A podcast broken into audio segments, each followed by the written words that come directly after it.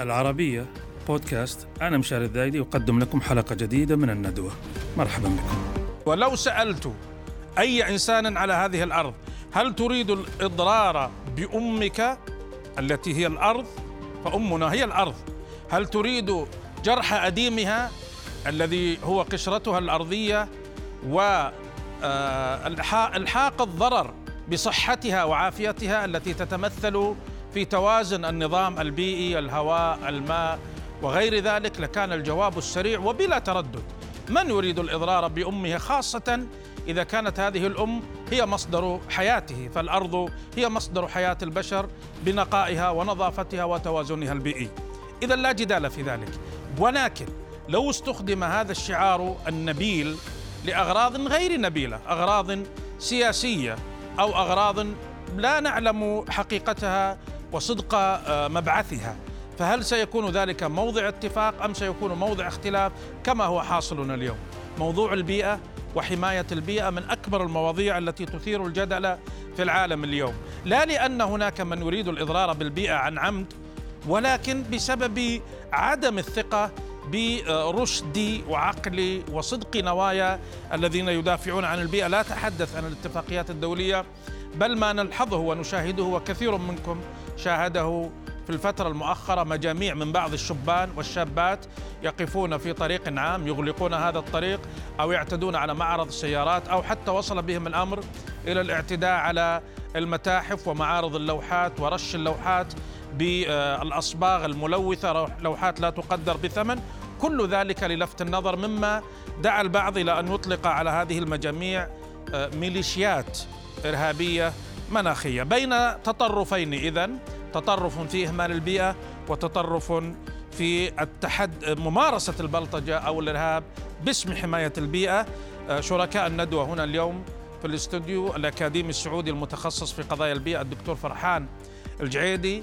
ومن القاهرة الدكتورة عزة هاشم أيضا خبيرة في شؤون الإرهاب وسيكولوجيا التنظيمات المسلحة. فحياكم الله وبياكم. أبدأ معك دكتور فرحان بإيجاز. كيف بدأ في العصر الحديث الوعي بقضايا البيئة؟ بالعالم ثم ومن ثم العالم العربي. إيه، طبعا الوعي بقضايا البيئة بدأت آه، منذ الثورة الصناعية الكبرى وبعدها من من من, من نهاية القرن الثامن عشر ثم امتدت على القرن التاسع عشر ثم بدأ العلماء يفكرون في كبح جماح هذه الغازات التي تنبعث في آه، آه، الغلاف الجوي فبدأوا بدأت تتأثر آه، الكوكب الأم مثل ما تفضلتم في نعم. مقدمتكم فأصبحت هناك عدد من المؤثرات على بيئتنا من خلال التلوث نعم. فالتلوث هو هو السبب الرئيسي في عملية يعني التوجهات البيئية المحمودة التي تستهدف حياة صحية نظيفة لسكان هذا الكوكب. آه، بعد ذلك آه، آه، جاء الطاقة فبدأت الطاقة تستخدم بشكل كبير جدا. صار توسع بالضبط. صار هناك مدخلات على هذا النظام البيئي صارت هناك مؤثرات على الغلاف الجوي وكذلك على الشواطئ وعلى الحياة البحرية وعلى النظام الإيكولوجي والنظام الحيوي بشكل عام. ثم آه، جاء منتصف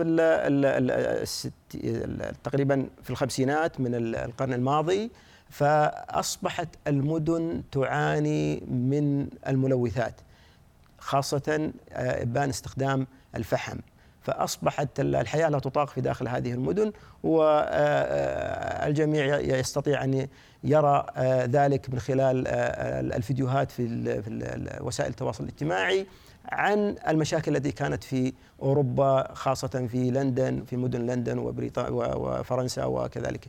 بعد ذلك اتجهت هذه الدول إلى استخدام آه، الوقود والتركيز على الوقود الأكثر من ضمنها الوقود الحفوري اللي اتجهوا يعني انتقلوا من استخدام الفحم إلى استخدام آه، النفط كبديل وهو أفضل مقارنة بالانبعاثات التي كانت تصدر من نعم. الفحم فاستمرت الحياة وأصبحت هناك آه، آه، دراسات آه، يعني